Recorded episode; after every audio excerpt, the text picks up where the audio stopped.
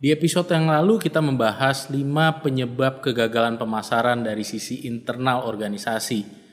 Di episode kali ini kita akan membahas penyebab kegagalan pemasaran dari faktor eksternal. Saya Iwan Setiawan dan ini adalah analisis.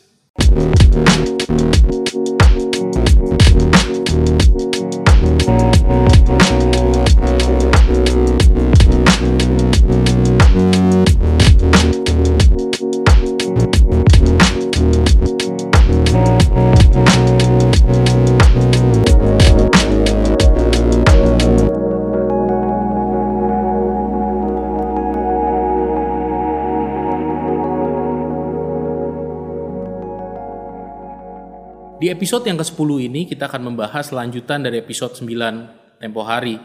Kita akan membahas tentang penyebab kegagalan pemasaran dari sisi eksternal.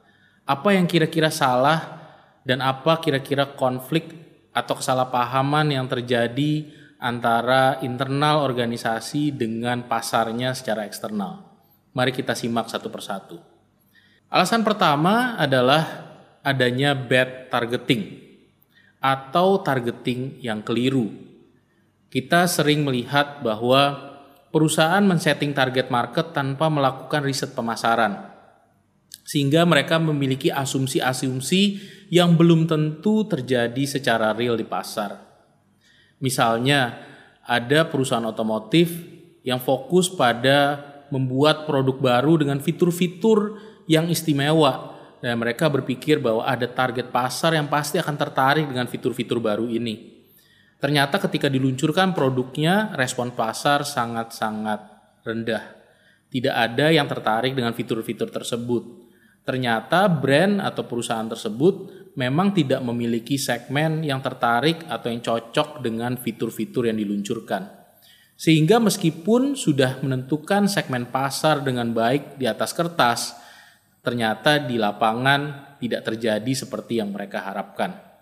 Inilah yang kita sebut sebagai bad targeting.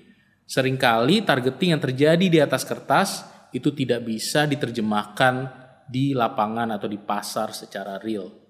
Banyak sekali perusahaan yang fokus pada menebak-nebak kira-kira apa yang dibutuhkan oleh pasar berdasarkan pola pikir mereka sendiri tanpa bertanya langsung melalui riset pasar kepada pasar yang real. Inilah penyebab pertama kenapa marketing strategi biasanya gagal. Penyebab kedua adalah yang saya sebut sebagai irrelevant message atau pesan yang tidak relevan. Seringkali karena faktor kreativitas, orang pemasaran menciptakan pesan-pesan atau yang biasa dikenal secara kerennya positioning secara powerful dan secara unik Ketika pesan tersebut diluncurkan melalui komunikasi pemasaran, mereka biasanya berasumsi bahwa banyak orang yang akan terkesan karena sudah diciptakan dengan kreatif dan sudah diciptakan dengan baik sekali. Ternyata ketika diluncurkan ke pasar, audiens tidak peduli dengan komunikasi tersebut. Karena menurut mereka, mereka tidak relate atau tidak merasa nyambung dengan komunikasi tersebut. Pesannya tidak mengena di hati dan tidak sesuai dengan apa yang mereka pikirkan saat itu. Mindset dari audiens memang sulit untuk ditebak. Dan kita sering kali sebagai seorang tim pemasaran selalu berpikir bahwa pola pikir kita sama dengan pola pikir audiens. Kita selalu menyamaratakan apa yang kita pikirkan ternyata dipikirkan juga oleh audiens. Seringkali tidak seperti itu, apalagi apabila audiens yang ingin kita tuju tidak berada di segmen yang sama dengan tim yang menyusun strategi komunikasi tersebut. Jadi banyak sekali perusahaan yang menciptakan komunikasi yang di kepala mereka sangat efektif, tapi ketika diluncurkan audiens tidak peduli dengan pesan-pesan yang mereka sampaikan tersebut. Penyebab ketiga adalah pemanfaatan media yang salah atau saya sebut sebagai wrong media. Ketika kita ingin mengkomunikasikan sesuatu melalui pemasaran, maka kita harus memilih media-media yang bisa menjangkau target audiens kita secara efektif. Kita harus bisa menemukan di mana sebetulnya audiens kita mengkonsumsi konten, di mana mereka menikmati konten dalam keseharian mereka. Apakah mereka menonton TV, apakah mereka membaca surat kabar, apakah mereka membaca media online, apakah mereka memanfaatkan sosial media, dan lain-lain. Dengan menemukan media-media yang tepat, kita bisa menjangkau mereka secara lebih efisien dan efektif. Seringkali banyak perusahaan melupakan step ini, sehingga mereka memilih media-media yang populer. Ketika dirasa bahwa TV sedang naik daun, atau ketika dilihat banyak yang melakukan kegiatan konten marketing atau digital marketing melalui sosial media, mereka ikutan latah dan langsung menggunakan pendekatan yang sama tanpa melihat terlebih dahulu sebenarnya audiens mereka menikmati konten di platform mana. Inilah yang sering kali membuat kegagalan di strategi pemasaran. Medianya sudah dipilih, tapi ternyata audiensnya tidak ada di sana. Audiensnya tidak menikmati konten di sana, sehingga mereka menjangkau audiens yang salah. Dan audiens yang ingin mereka tuju tidak mendapatkan sama sekali komunikasi yang mereka lakukan. Inilah penyebab yang sering kali saya temukan terjadi di banyak perusahaan lintas industri di Indonesia. Penyebab yang berikutnya adalah poor distribution. Marketing sering kali disalahartikan hanya tentang komunikasi. Padahal komunikasi hanyalah satu bagian awal dari pemasaran. Komunikasi menyebabkan sebuah produk diminati oleh target audiensnya tetapi ketika mereka sudah tertarik, mereka lantas harus tertrigger untuk membeli. Kalau tidak, tidak terjadi penjualan. Karena itu marketing tidak hanya fokus pada menciptakan demand, tapi juga fokus pada menutup penjualan di channel-channel distribusi. Sehingga apabila interestnya sudah dibangun melalui kegiatan komunikasi yang sangat-sangat menarik, maka barang tersebut atau produk dan jasa yang mereka sediakan harus tersedia di channel distribusi. Kalau tidak tersedia, maka komunikasi tersebut akan sia-sia. Karena mereka ibaratnya sudah mengattract interest atau demand dari customer ketika customer datang untuk membeli produk tersebut, ternyata produknya tidak tersedia di channel distribusi. Inilah yang sering kali kita temui dalam berbagai aktivitas pemasaran di Indonesia.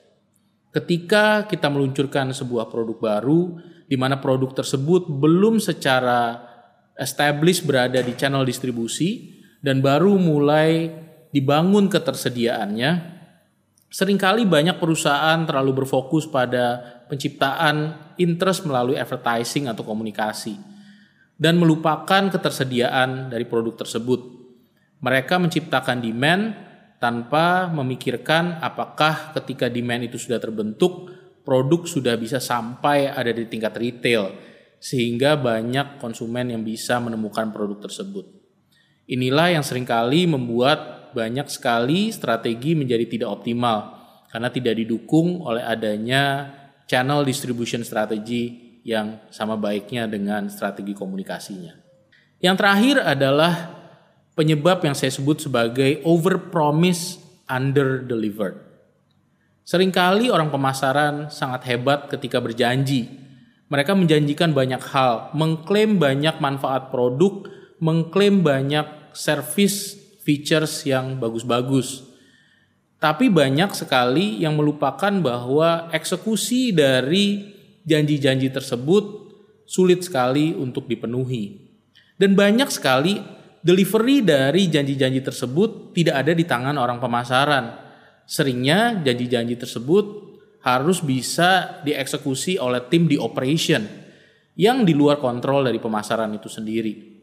Karena di luar kontrol dari mereka, banyak orang pemasaran cenderung tidak peduli. Mereka hanya berjanji-janji saja dan tidak peduli apakah janji mereka nanti akan backfire ketika operation tidak bisa mendeliver janji tersebut. Inilah yang saya sebut sebagai overpromise under delivered. Orang pemasaran jago dalam membuat klaim-klaim yang hebat atau great claim, tapi sering kali performance-nya tidak bisa mereka jamin. Misalnya, mereka mengkampanyekan sebuah manfaat produk tertentu atau produk benefit tertentu melalui berbagai reason to believe atau alasan-alasan kenapa produk itu layak untuk dibeli atau kenapa klaim tersebut layak untuk dipercaya. Tetapi ketika customer mencoba produk tersebut, mengkonsumsi produk tersebut, mereka kecewa karena tidak mendapatkan manfaat yang dijanjikan. Sehingga akan backfire dan membuat customer tersebut enggan untuk membeli brand atau produk itu kembali di kemudian hari. Atau apabila ada janji-janji yang terkait dengan layanan atau servis, sering kali banyak yang menjanjikan fitur-fitur layanan yang harus dideliver oleh tim operation. Ketika banyak janji-janji tersebut cenderung muluk, banyak yang akhirnya menimbulkan masalah di operation, menimbulkan banyak customer komplain yang tidak bisa ditangani dengan baik oleh customer service. Kita selalu bilang bahwa customer satisfaction atau kepuasan pelanggan itu adalah sesuatu yang terbentuk dari mendeliver sesuatu di atas ekspektasi dari pelanggan. Adanya klaim yang terlalu tinggi menyebabkan ekspektasi yang dimiliki oleh pelanggan menjadi terlalu tinggi. Ketika ekspektasi terlalu tinggi, maka akan sulit untuk tim operation atau tim di customer experience untuk bisa mendeliver melampaui dari ekspektasi tersebut. Ketika ekspektasinya tidak bisa dilampaui, maka customer satisfaction akan rendah. Ketika customer satisfaction akan rendah, mereka akan kapok untuk memakai layanan itu kembali di kemudian hari. Inilah penyebab-penyebab yang menyebabkan strategi pemasaran gagal. Seringkali strategi pemasaran gagal tidak hanya disebabkan konflik-konflik internal, tapi juga disebabkan oleh adanya mismatch atau misalignment antara internal organisasi dengan pasar yang mereka layani. Ketidakmampuan orang marketing atau pemasaran untuk memahami apa yang terjadi di luar, apa yang terjadi di pasarnya mereka, dan kemudian menyesuaikan strategi sesuai dengan perubahan tersebut, inilah yang sering kali membuat strategi pemasaran menjadi tidak efektif. Demikian 10 penyebab kegagalan marketing yang sudah saya bahas dalam dua episode terakhir di episode 9 dan episode 10. Apabila ada penyebab pemasaran yang ingin Anda ketahui secara lebih detail, silakan tulis di kolom komentar. Semoga episode ke-10 ini juga membawa manfaat buat marketer semua. Apabila Anda belajar banyak dari analisis, tolong subscribe, like, dan share konten yang kami create ini. Dan apabila ada pertanyaan yang ingin saya bahas di analisis, silakan tanyakan di kolom komentar.